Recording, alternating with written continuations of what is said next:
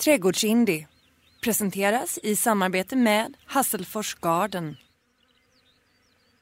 Jag är på semester. Något som för mig och min familj är extremt sällsynt. Ja, detta var barnens första utomlands. Och vi gör alltså en klassisk bilsemester med historietema. Delar av denna resa har gått ut på att få återuppleva en bilsemester jag gjorde som barn 89. Givetvis den också med historietema. I detta ögonblick befinner jag mig på ett hotell i Linen, Tyskland. Ja, ni får ursäkta ljudkvaliteten. Och snart, snart så är jag hemma på mitt älskade Svanvik. Men går det ens att resa bort från sin trädgård mitt under fullaste högsäsong? Är det ens möjligt? Självklart så är det det. Jag heter Emily Bratt och det här är Trädgårdsindie. En annan slags trädgårdspodd.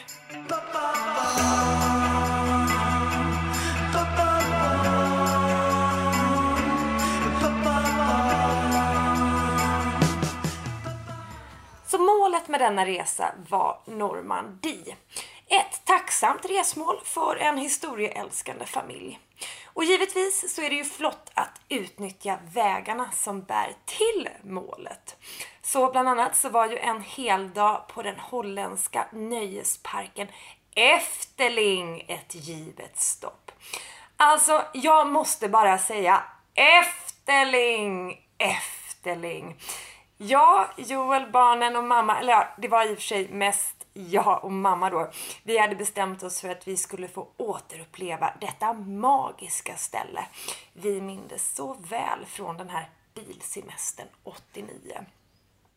Och hur var det då? Var det som vi mindes det? Oh yes! Alltså, ska ni åka någonstans med ungarna, förutom briljanta Astrid Lindgrens Värld då, låt det bli Efterling. Eh, och tydligen så är det så att en genomsnittsbesökare stannar där i hela sex och en halv timme. Och det kan låta mycket, men det är det faktiskt inte. Därför att det här stället är alltså gigantiskt. Så det är helt rimligt och förståeligt. Och vad är Efterling då för någonting? Jo, det är en slags sagovärld med titthål, eh, installationer och ja, man skulle kunna säga rörliga sagoögonblick. Bitvis så är det ja, lätt bisarrt. Ehm, som kronan på verket en mängd åkattraktioner, både för de små och de stora. Och givetvis så är ju parkmiljöerna och växtmaterialet helt fantastiskt och faktiskt spektakulärt alltså. Vi skulle sammanstråla med resten av brattarna, alltså pappa, bonusmamma och lilla syster med vän i Dunkirk. Och ett dygn av stränder och Museum Operation Dynamo senare så var vi i Normandie. Eh, just det, måste tillägga att i matväg då så grämer jag mig mest över den där ostjörpan som jag inte beställde in på en liten flamländsk bistro där i Dunkirk. Alltså tänk er en slags smältdeg av ost och grädde. Eh, en gryta med ost och grädde eh, med en kycklingklubba på toppen.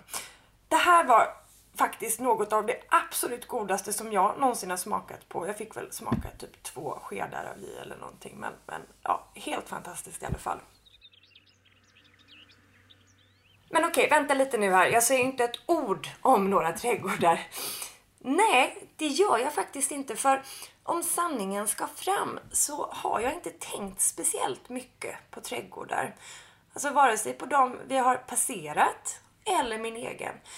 Kanske så är det så för att jag fortfarande är väldigt uppfylld och överväldigad över den här trädgårdsresan till England tidigare i våras.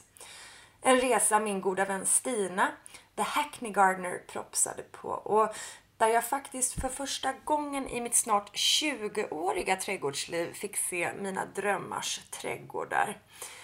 Så nej, alltså det här har framför allt varit en resa med syfte att hänga med min stora eh, familj, min kära storfamilj.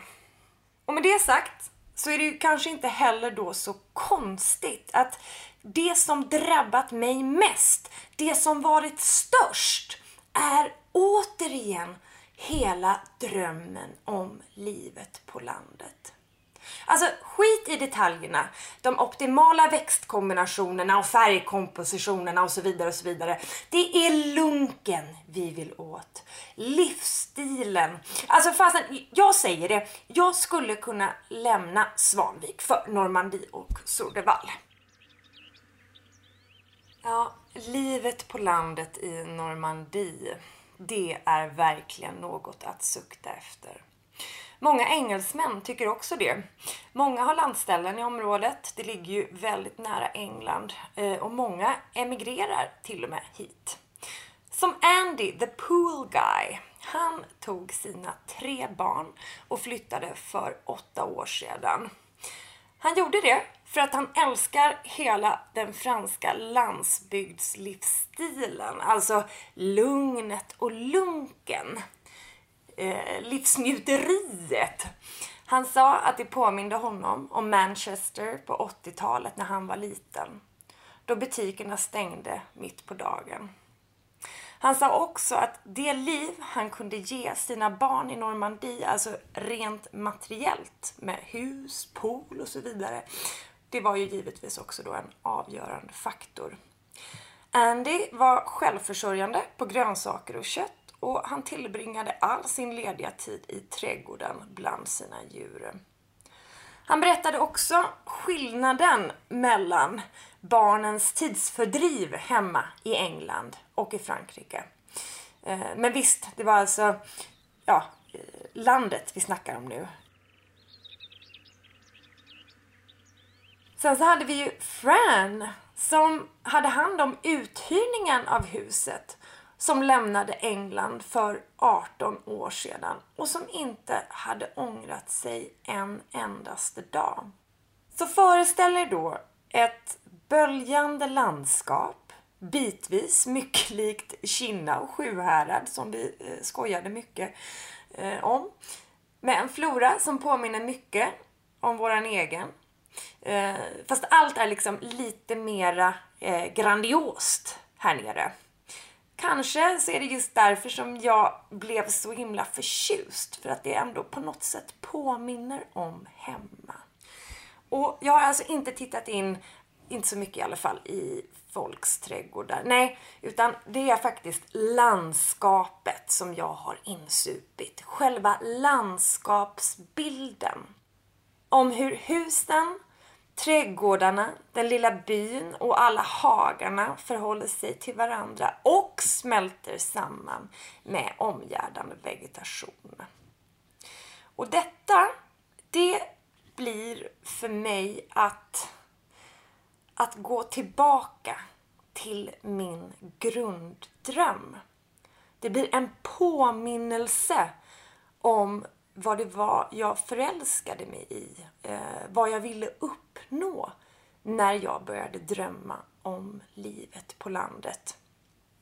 För det är lätt att bli hemmablind, eller hur? När man lever mitt i det.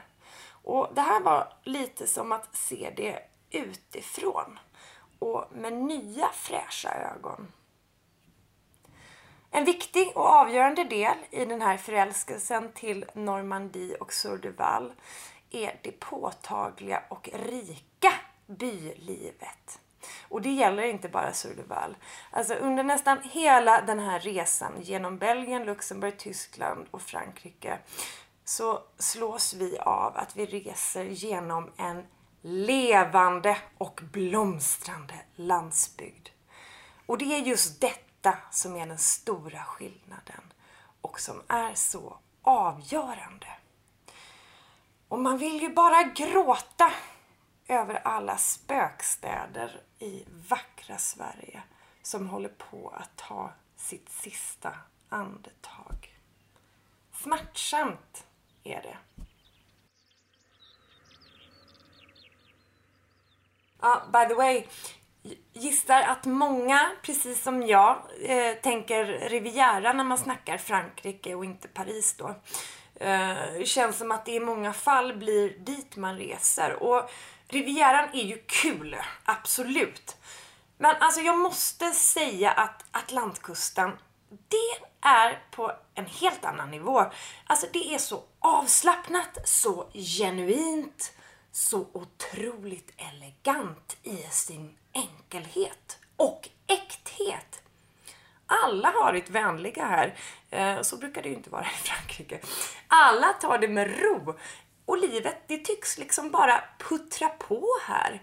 Typ som det alltid har gjort. Att hänga med familjen, det är ju bland det bästa jag vet. Och jag och pappa, vi brukar sitta uppe sent och gagga om både det ena och det andra.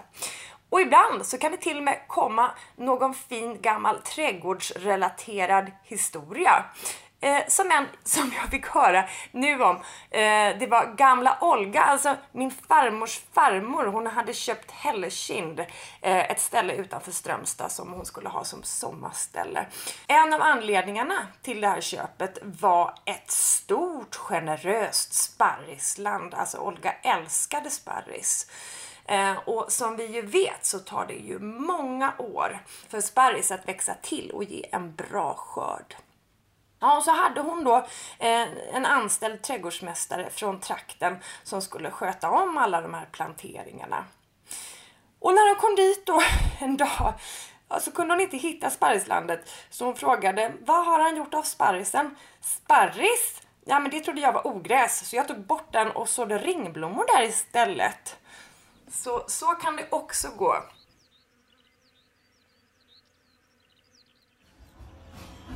Men vad är det här?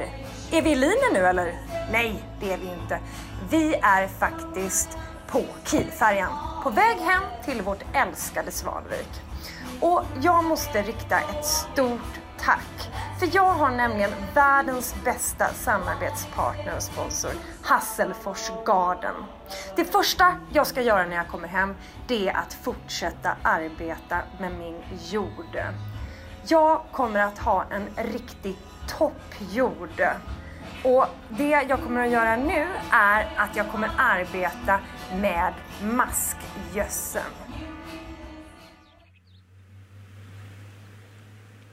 Så efter Overlord Museum, gripande ögonblick på Omaha Beach, Bayeux-tapeten, Christian Diors hem i Granville, ett par dagar i Champagne, pansarvagnen och krigsmuseet eh, om hela Ardenner-offensiven i Bastogne så är vi nu snart hemma. Och hur var det då? Går det att lämna sin trädgård? Mitt under självaste högsäsong? Svaret är ja. Både fysiskt och emotionellt. Fysiskt om du har en trädgårdsvakt och djurvakt. Tack svärmor Pia. Eh, emotionellt eh, så var det faktiskt tuffare innan jag åkte än under själva resan. Rädslan över att missa ja, rosorna och all vallmo vars primetime uppenbarligen skulle infinna sig nu när jag var borta. Eh, det kändes tufft alltså. Nu har det ju varit kallare har jag förstått. Eh, så förhoppningsvis så hinner jag uppleva en liten del av det i alla fall. Och vet ni, det kommer ju faktiskt en ny juni nästa år.